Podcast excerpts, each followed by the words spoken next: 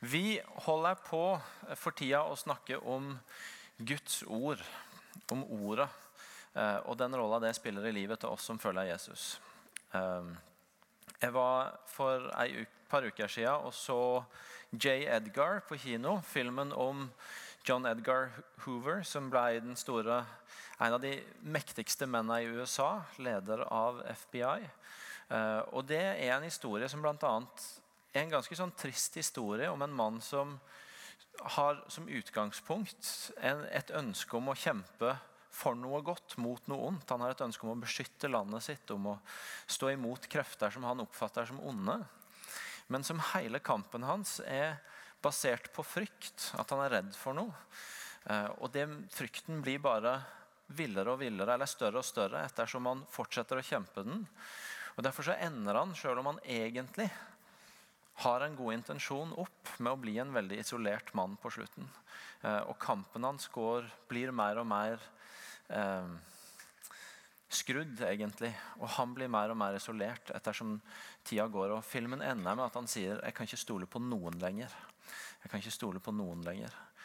Uh, og det er litt sånn at uh, Vi kan ha veldig gode intensjoner med mange ting, og vi kan ha veldig mye gode retninger i livet, men hvis hvis fundamentet vi bygger det på, hvis fundamentet vi beveger oss mot det på, ikke er godt, så kan vi allikevel veldig lett ende opp på et dårlig sted. Og Det er noe av greia med å bruke så god tid på å snakke om Guds ord. Det er ikke at det er magisk i seg sjøl, eh, men at at det er et fundament, og som vi om sist, et levende fundament, som, som, gjør at veldig mye av det andre vi er med på i livet, og veldig mye av de andre retningene vi staker ut i livet, kan ha en grunnvoll som er så solid at det som også var en god intensjon, eh, ender opp på et godt sted. Og Derfor er dette utrolig viktig for oss å få tak i. Planen i dag vi har om det flere uker, planen i dag er å gå inn i én tekst og ta noen ting derfra, og så skal dere få møte i siste del av talen en eh, fyr som skal dele enda en historie om noen som har kommet til tro, og litt om hvordan han bruker Bibelen når han leder mennesker mot Jesus. Det blir moro. Men la oss aller først be sammen, og så skal vi se på en tekst. Jesus, jeg takker deg for at du er her. Jeg takker deg for at du er midt iblant oss akkurat nå. Og jeg takker deg for at i kombinasjonen av ditt ord og du som den levende midt iblant oss, så kan utrolig mye godt skje. Derfor så ber jeg dem at du må bare hjelpe oss i denne prosessen vi er i, med å sikre at vi bygger livet våre og kirka vår på et godt fundament. At du også i kveld taler til oss og hjelper oss til å se hva det innebærer, og hva det betyr. Eh, jeg ber om at vi skal få lov til å høre ordet ditt i kveld, sånn at vi kan gå ut i uka som kommer, og respondere på det. Tal til oss i kveld, Jesus, på en sånn måte at vi kan få handle i tro i tida som ligger foran.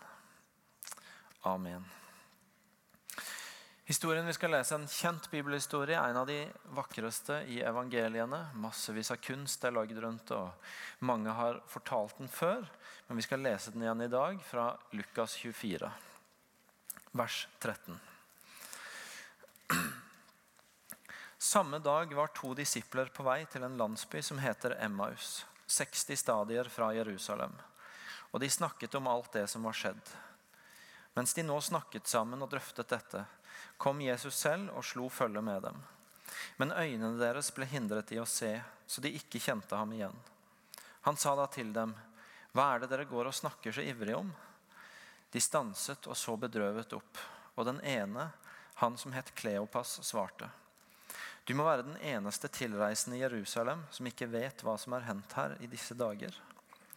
Hva da? spurte han. Det med Jesus fra Nasaret, svarte de.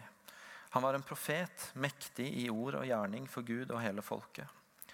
Men våre overprester og rådsherrer utleverte ham og fikk ham dømt til døden og korsfestet ham. Og vi som hadde håpet at det var han som skulle befri Israel. Dessuten, i dag er det alt tredje dagen siden dette hendte. Og nå har også noen kvinner blant oss gjort oss forvirret. De gikk ut til graven tidlig i dag morges, men de fant ikke kroppen hans. De kom tilbake og fortalte at de hadde sett et syn av engler som sa at han lever. Noen av våre gikk da til graven, og de fant det slik som kvinnen hadde sagt, men han selv så det ikke. Da sa han til dem, så uforstandige dere er, og så trege til å tro alt det profeten har sagt.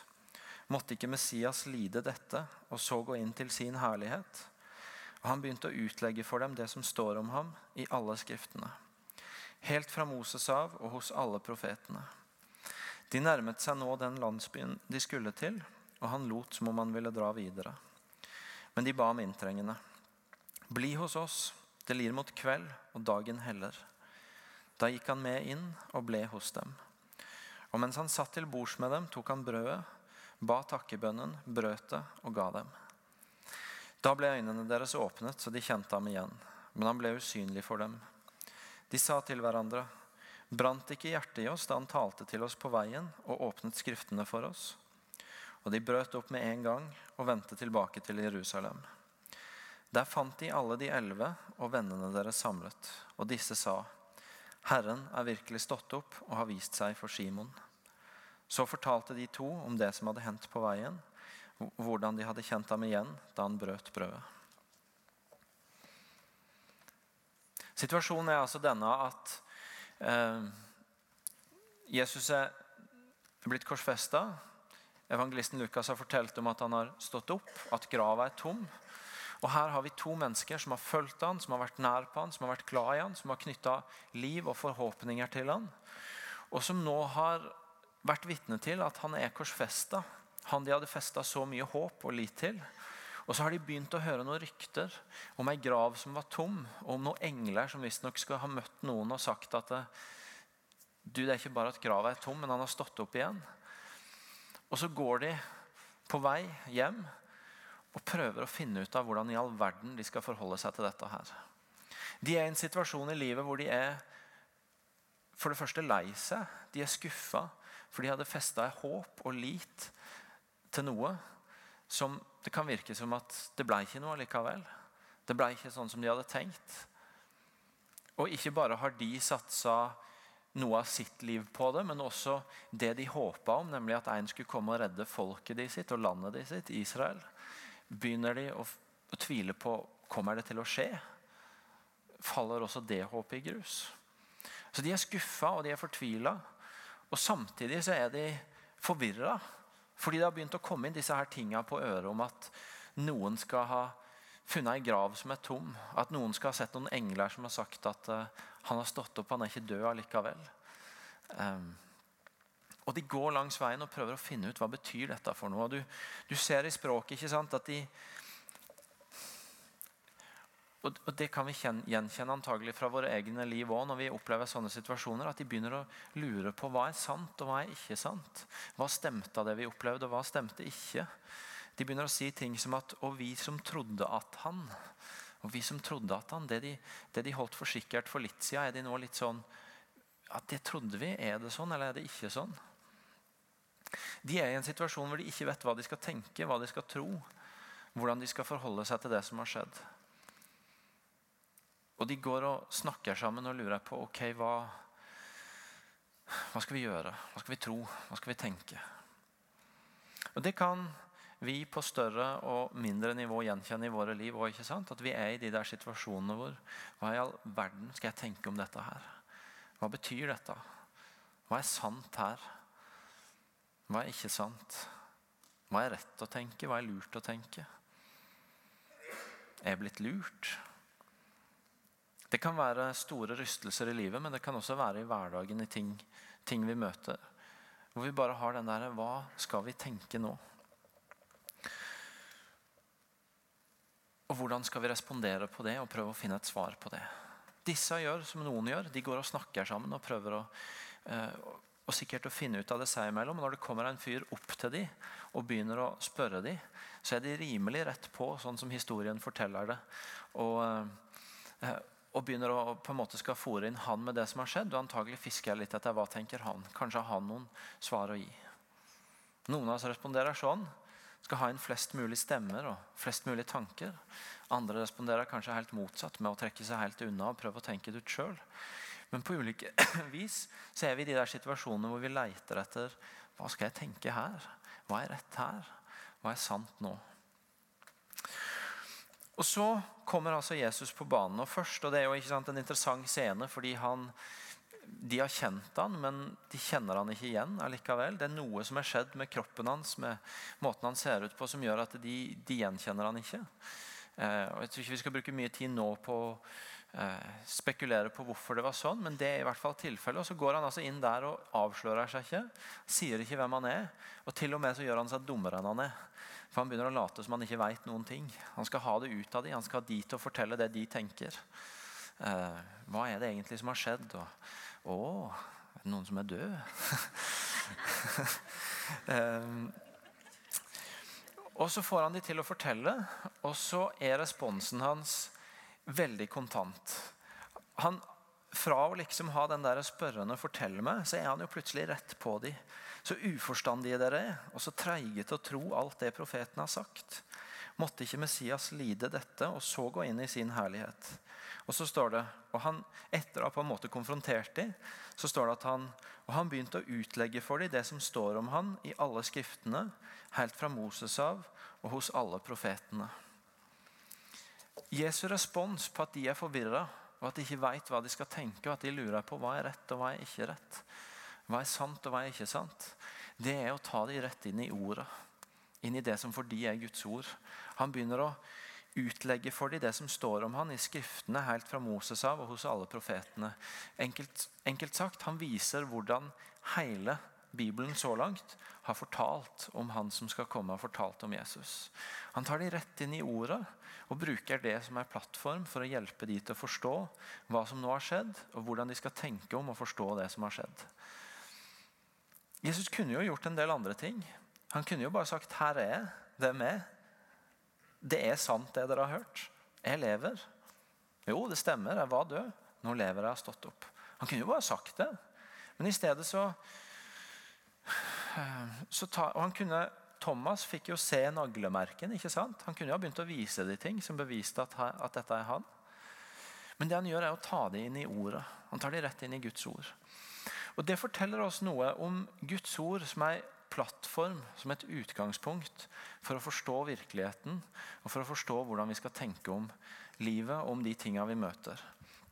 Jesus, når han skal hjelpe de til å forstå og til å eh, finne ut av hva som er sant og ikke sant, så tar han det inn i Skriften, i ordet, i Guds ord, som et utgangspunkt og som et fundament for å finne ut hvordan de skal tenke hvordan de skal forstå det som har skjedd. Det lærer oss, det Jesus gjør her, noe om hvordan ordet, Guds ord, blir et fundament for å finne ut ok, hva tenker vi her. Og hvordan vi kan bruke ordet som det stedet å gå blant alle andre stemmer for å prøve å finne noen svar og noen tråder på hva gjelder her. Det er en som har sagt at eh, Bibelen sier ikke nødvendigvis hva vi skal tenke om alle ting, men den sier noe om hvordan vi skal tenke. Og det er litt sånn med denne boka her, at Hvis vi går her, så får vi masse hjelp til å finne ut hvordan skal vi tenke om dette. Hva er rett og galt her? Hva er sant og ikke sant her? Dette viser Jesus oss er et sted å gå for å finne en plattform og begynne å finne ut av og forstå det som skjer, det som møter oss, det som setter oss i sånne utrygge situasjoner. Og så har jeg bare lyst til å peke på to ting i den forbindelse. Og Det ene er at eh, grunnen, tror jeg, noe av grunnen til at det er så viktig for Jesus å ta det inn i Guds ord, og ta oss inn i Guds ord når vi skal finne ut av sånne ting, og når vi skal forstå virkeligheten og hva som er sant og ikke sant, det er at der ligger en omvendelse i det. At det er noe med at Guds rike og vår umiddelbare intuisjon er ikke alltid helt i synk. Det er noe med Guds rike som er motkulturelt, som er annerledes. Som er omvendt av det som kanskje av og til er vår første intuisjon. Og Det betyr at for oss å bare respondere intuitivt det vi tenker der og da, på de situasjonene som kommer i fanget vårt, kan være veldig velintendert, og det kan i menneskelig forstand være fornuftig. Men allikevel så er det ikke sikkert at det lukter Guds rike av det. Fordi det er noe motkulturelt i Guds rike, det er noe annerledes i Guds rike som gjør at det, når vi kommer inn i dette ordet, så får vi hjelp til å tenke annerledes. Vi får kanskje hjelp til å snu om på noe som vi tenker feil om, eller som vi forstår feil. Ordet omvendelse betyr å skifte sinn og tenke annerledes. Og endring For en disippel, for en kristen, lærer Bibelen oss begynner innenfra og, og manifesterer seg så i måten vi lever på. Den begynner i at vi får hjelp til å tenke annerledes, forstå annerledes, tro andre sannheter. Og så blir det synlig i måten vi lever på. Eh, og det å bli tatt inn i ordet når vi skal finne ut hvordan vi skal tenke om ting, hvordan vi skal forstå ting, det handler litt om at det, er, det ligger en omvendelse i det. Det ligger en hjelp til å se virkeligheten annerledes, til å tenke annerledes, til å forstå annerledes enn det vi kanskje av og til intuitivt eh, gjør av oss sjøl. F.eks. denne morgenen på min vei til Erfjord, før jeg hadde kjørt i grøfta, så eh, hadde jeg lest en tekst på ferja, og så satt jeg og tenkte litt på den. Og så opplevde jeg at det Jesus sa til meg gjorde i dag, det var at han minna meg på et menneske jeg er nødt til å gå og be om unnskyldning for noe til. Og Helt inntil da så er historien jeg har fortalt i mitt hode om den situasjonen, det er at det er jeg som har rett. Det er den personen som ikke skjønner noe av hva det går i. Det er den personen som ikke forstår meg. Det er den personen som trenger å se annerledes på virkeligheten. Men i møte med Guds ord så skjedde det en omvendelse i meg. Jeg fikk hjelp til å tenke annerledes og se at vet du noe, jeg er nødt til å begynne med å tenke annerledes. Det er hos meg initiativet ligger. Det er jeg som er nødt til å ta det første steget ut og be om unnskyldning. Jeg tror ikke vi skal undervurdere Eller la meg si det på en annen måte. Eh, på dette huset blant annet, så snakker vi mye om at vi har lyst til å bekjempe janteloven. Vi har lyst til at alle her inne skal tro alt det gode Gud har lagt ned i oss. Og tro at i Guds øyne så er vi ekstremt verdifulle. Og vi har lov til å rette ryggen vår for det. Og det står jeg fullt ut for. Jeg tror likevel ikke vi skal alltid overvurdere at i oss sjøl så ser vi alltid alt med Guds rikes øyne. Vi trenger å skiftes inn. Vi trenger å, å, å få en omvendelse, en hjelp til å tenke annerledes, til å tenke med Guds rikes øyne. Og Derfor så trenger vi å være i ordet. Derfor så trenger Jesus å ta oss inn i ordet, sånn som han gjorde med disse menneskene. Det er en av tingene som er litt dumt med Facebook og Twitter og sosiale medier. vet du. De av dere som kjenner meg og er venner med meg der, vet at jeg elsker Facebook og sånn, Twitter. og sånn. Jeg er masse der. Noen mobber meg for det. Altfor masse, sikkert. Eh, og det syns jeg er gøy, og jeg skammer meg ikke over det. Men noe, men noe av problemet vet du, det er at eh, det er så utrolig lett å bare intuitivt legge ut en kommentar på et eller annet du har sett, eller noe du har lest, og noe du skal mene noe om. Og så er det noen ganger at det første vi tenker om ting, ikke er så utrolig lure. og jeg har gjort det sjøl òg. Jeg har gjort det sjøl òg, men jeg ser andre. Og eh, dette mener jeg egentlig litt alvorlig. Ikke bare egentlig, men jeg mener det litt alvorlig. Jeg syns det er litt trist når jeg ser både kristne ledere og andre som tar linker fra en eller annen ting de har lest i Vårt Land om noen andre kristne, og så slenger de på en eller annen sånn eh, grisete kommentar om det de gjør. Og så kan det godt hende at de har rett i at den personen gjør et eller annet dumt og noe som man bør tenke igjennom. Men jeg tror ikke det er så veldig Guds rikeaktig å drive og disse hverandre på Facebook f.eks. Eller jeg tror ikke det er så lurt og eh, bra å snakke nedsettende om andre fordi du så noe der eller leste noe der som, ikke, som du ikke likte eller ikke syntes var så kult. Og så er det så lett for oss å bare intuitivt gjøre det likevel. Og så er kanskje Guds rike måten å tenke seg om en ekstra gang og finne ut er det noe jeg trenger å vende om i mitt sinn før jeg handler på det. Er dere med på det? Denne uka så har det stått veldig mye i media om eh, en spesiell sak i lokalmiljøet her om en politiker som er anklaga for voldtekt. Om en veldig trist hendelse som skjedde forrige helg. Ehm, jeg skal selvfølgelig være forsiktig med å si veldig mye om det. Jeg kjenner ikke saken, så det er ikke noe kommentar til saken som sådan, men litt til det som skjer i media, hadde jeg lyst til å si noe om i kveld. Um, og la meg først bare, sånn at jeg ikke kommer feil ut, si at uh, å gjøre noe sånt, enten det er voldtekt eller det å misbruke en posisjon til å utnytte ei ung jente, er selvfølgelig forferdelig. Og det virker det som at den som har gjort det, har en ganske sterk erkjennelse av nå. Um, men det som skjer i media i denne uka, er jo at hele dynamikken er å grave opp mest mulig grums. Å finne ut mest mulig dritt om den personen som har gjort noe som i seg sjøl er helt forkastelig. Eh, grave opp ting fra 20 år tilbake i tid. Smøre det opp. Få folk til å fortelle rykter som vi ikke vet om stemmer engang. Eh, male opp andre folk som har vært involvert, og som kanskje har gjort sitt beste, men noen ting ble ikke som de skulle ønsket. Og eksponere de kjempehardt for det.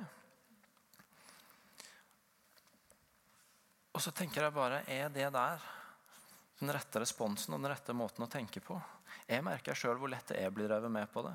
Jeg merker lett hvordan jeg dras mot forsida som har et rykte om den personen, og som får meg til å bare si 'Å ja, tenkte jeg det ikke'. Dette var bare toppen av isfjellet på sånn han egentlig er. Og jeg vet ikke hvordan han er, for jeg kjenner han ikke. Men jeg vet ikke om det er en Guds rike respons å spre rykter og prøve å male folk i et mest mulig dystert hjørne. Jeg tror det er en Guds rike respons å vise masse omsorg for den jenta som er såra. Og jeg tror det er Guds rike respons å vise omsorg for andre som er involverte.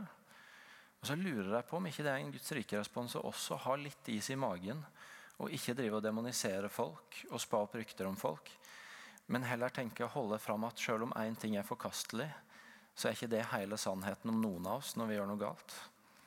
Jeg tror Noe av det som kjennetegner Guds rike, det er at vi kan være kjempetydelige på at det der er ikke greit. Og allikevel så sier vi ikke at det er hele sannheten om hvem noen er. Jeg tror at For å ta det over i ikke i den saken, men en helt annen sak Hvis noen lyger til oss, så er det en Guds rike respons å ikke si 'Å, så du er en løgner'. Det var jo det jeg tenkte hele veien. Men å heller si vet du noe, det der er under din standard. Du er ikke en løgner. Slutt å gjøre det, for dette er under din standard.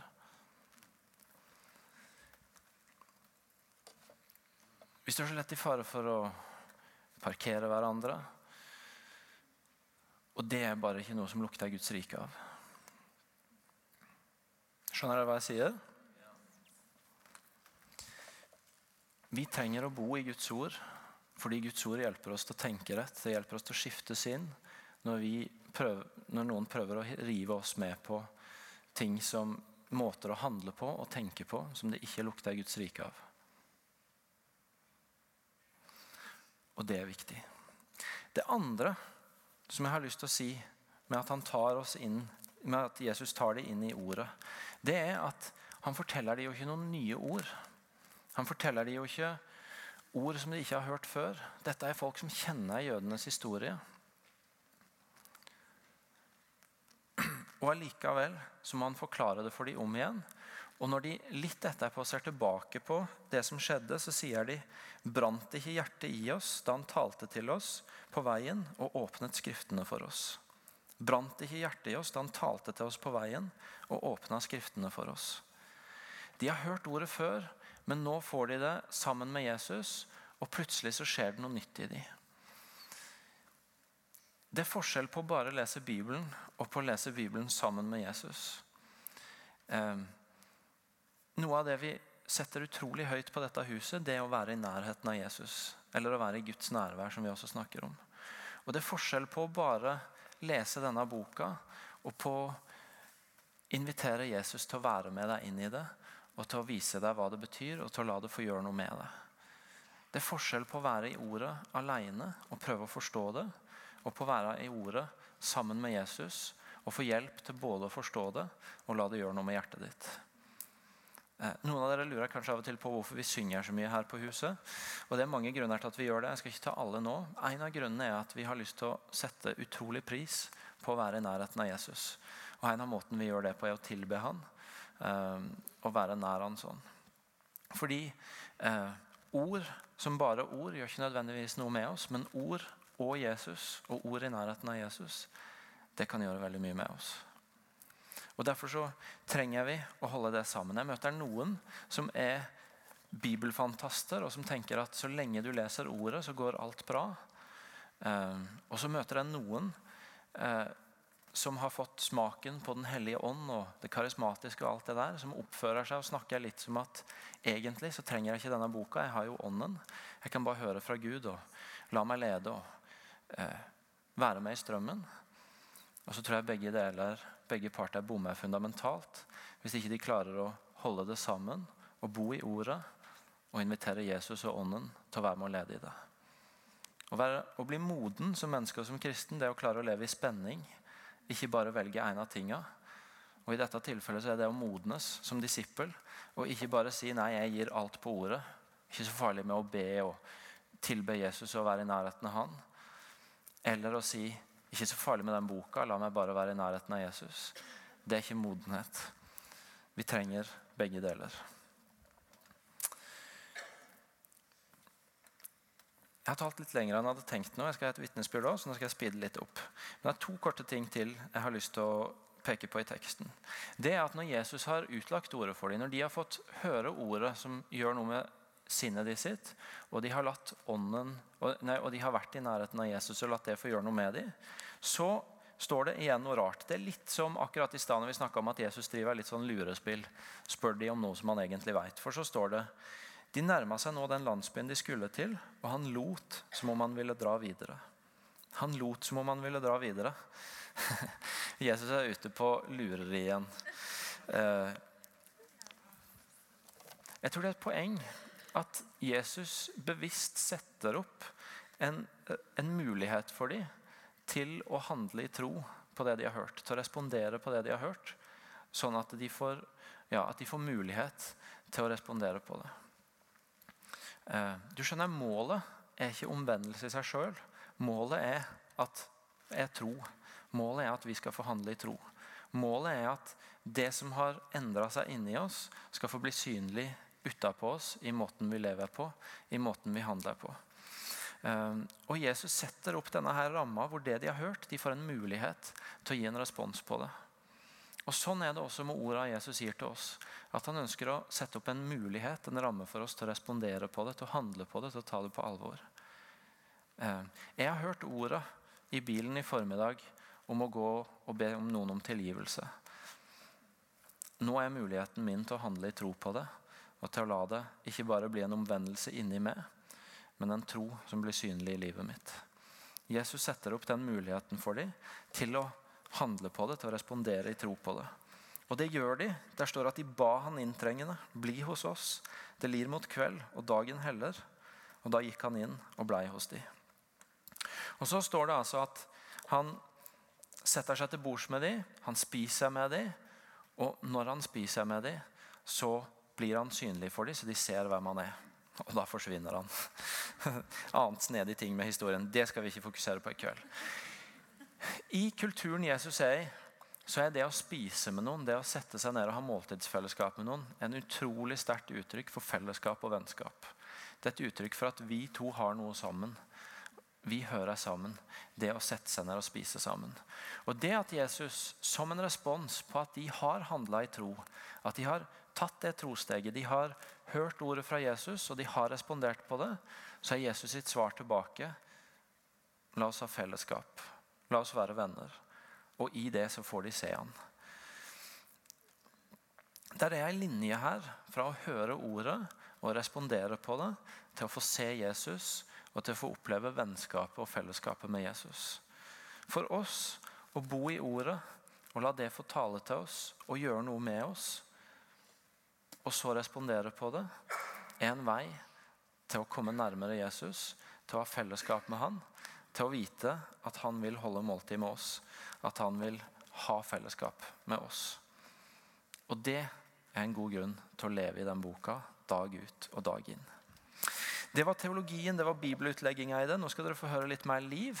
Eh, dere skal få ta imot en av mine favoritter. Sam Lovell.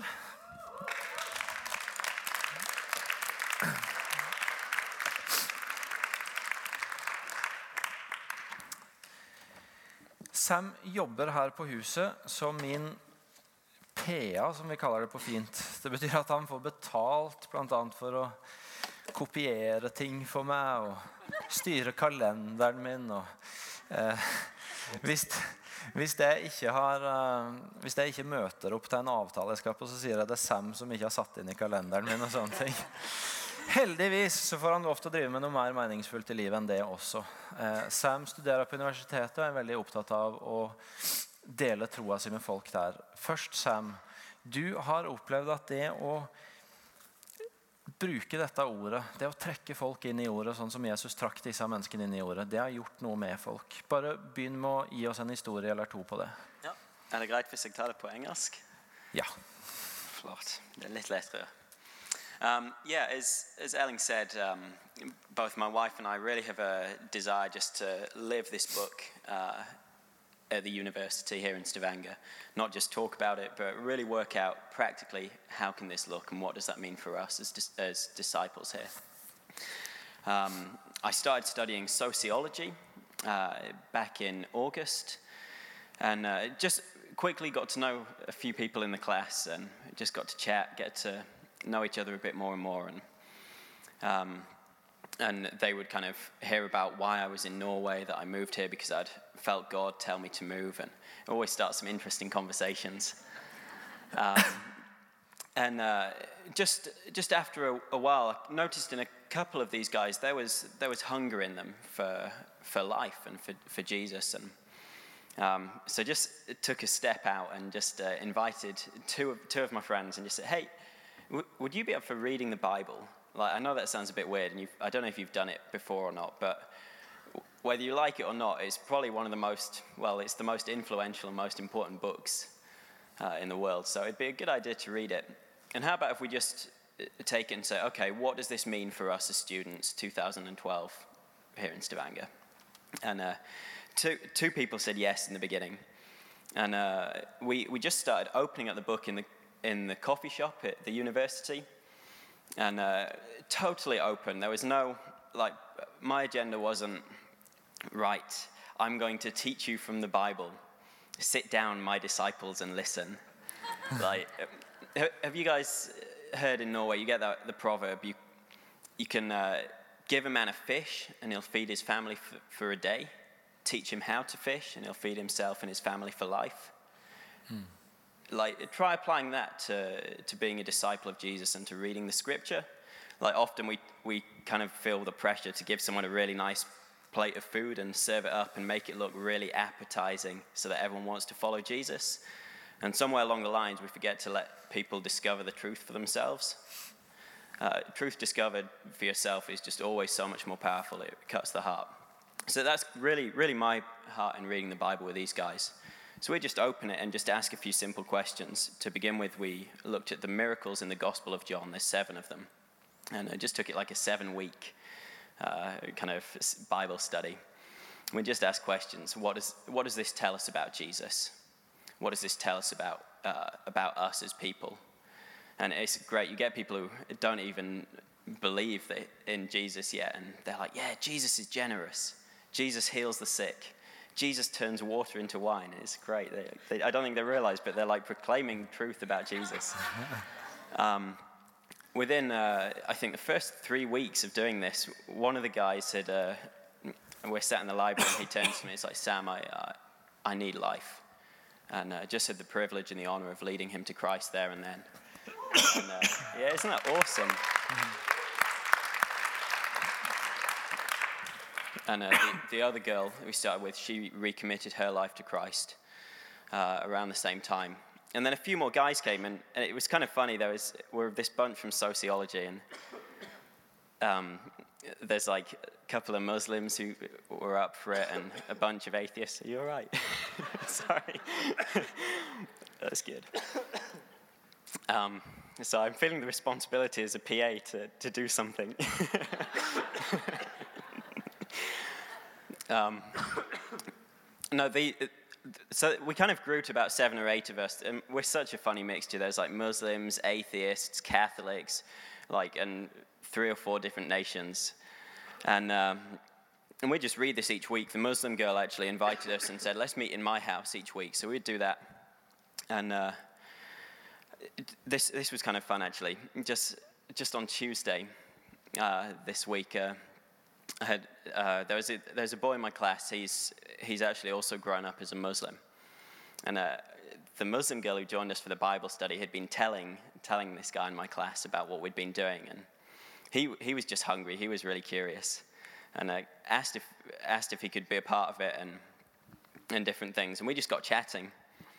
And, uh, and he actually he just sent me a message a couple of weeks ago. And it's like, Sam, can we, kan vi eh, treffe for å snakke om Gud og sånn? Ja, selvfølgelig. so so we, we, met up last week and he was just fascinated by Jesus. He's like, I've been trying to find life. I've been trying and trying, but I keep going the wrong way. What's, what's the right direction?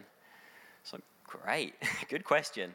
So we open up the Bible and look at some verses just about Jesus being the way, the truth, and the life. And, and, uh, and on Tuesday, actually, had, had the privilege and honor of, uh, of leading this, this guy to Christ, actually. Just, isn't that cool?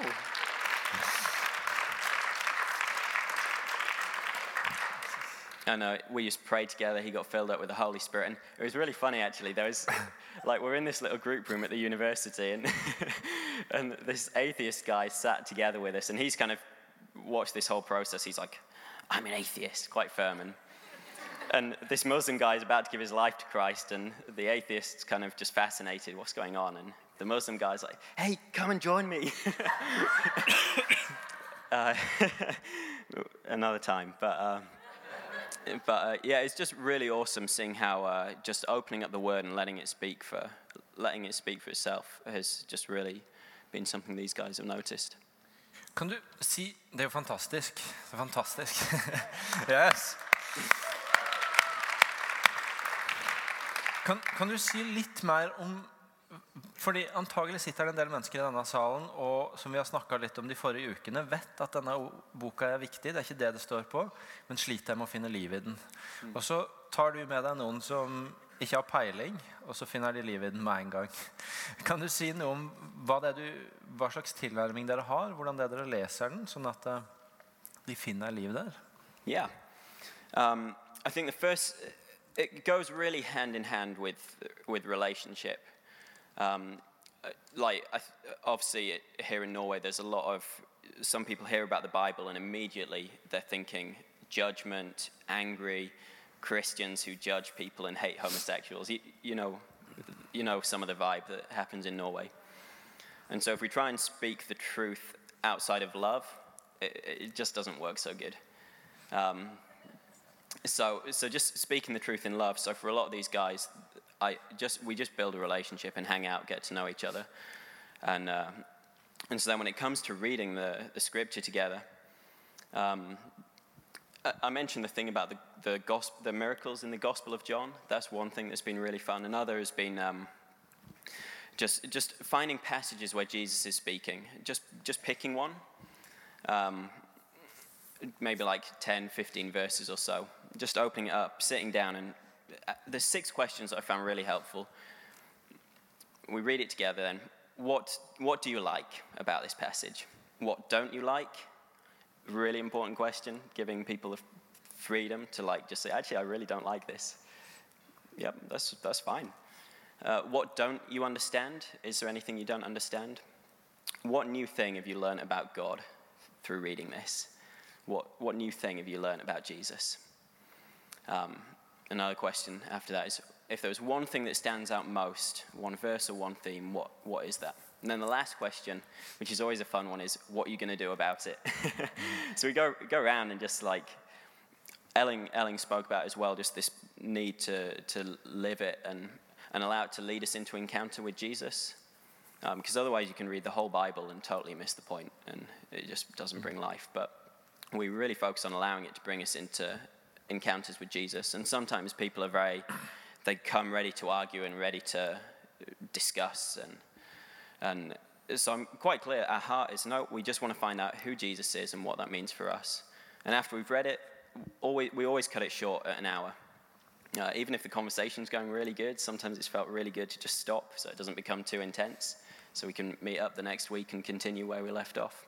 But we'll just take a bit of time to pray um, and wait on God and even during that time, we've had people who, again, in their words, complete atheists start hearing God and receiving prophetic words and stuff.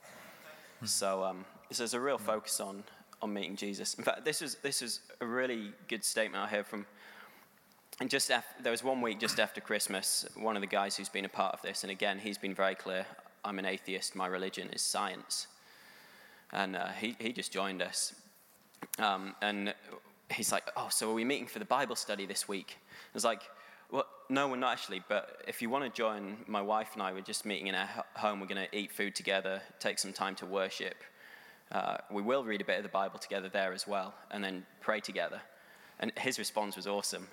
Well, as long as we're finding out more about Jesus, I'm in. and and so, so that's just been really central the whole time.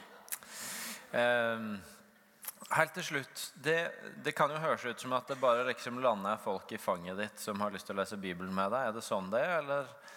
Now, to be honest, like it really it takes there's the, certainly to begin with there's, takes a moment where you just have to bite the bullet, as we say in England. You just have to go for it and take that step. And I, there's been a few times when I've been really nervous. I remember coming back on the ferry from a trip with Elling, and I really felt God saying I needed to invite this particular guy from my class to come and join us. And I was I was really nervous, but I just eventually just rang him up and, uh, and just said, hey, we're, we're starting to do this, just wondering if you were up for joining us.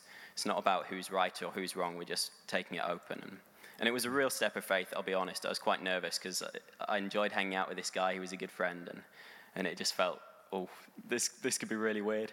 And there's also been people who have like, no, that's not for me. That's fine. no, no worries, and thanks for inviting me anyway. so, yeah, I hope that was helpful. Fantastisk. Takk skal du ha, Sam.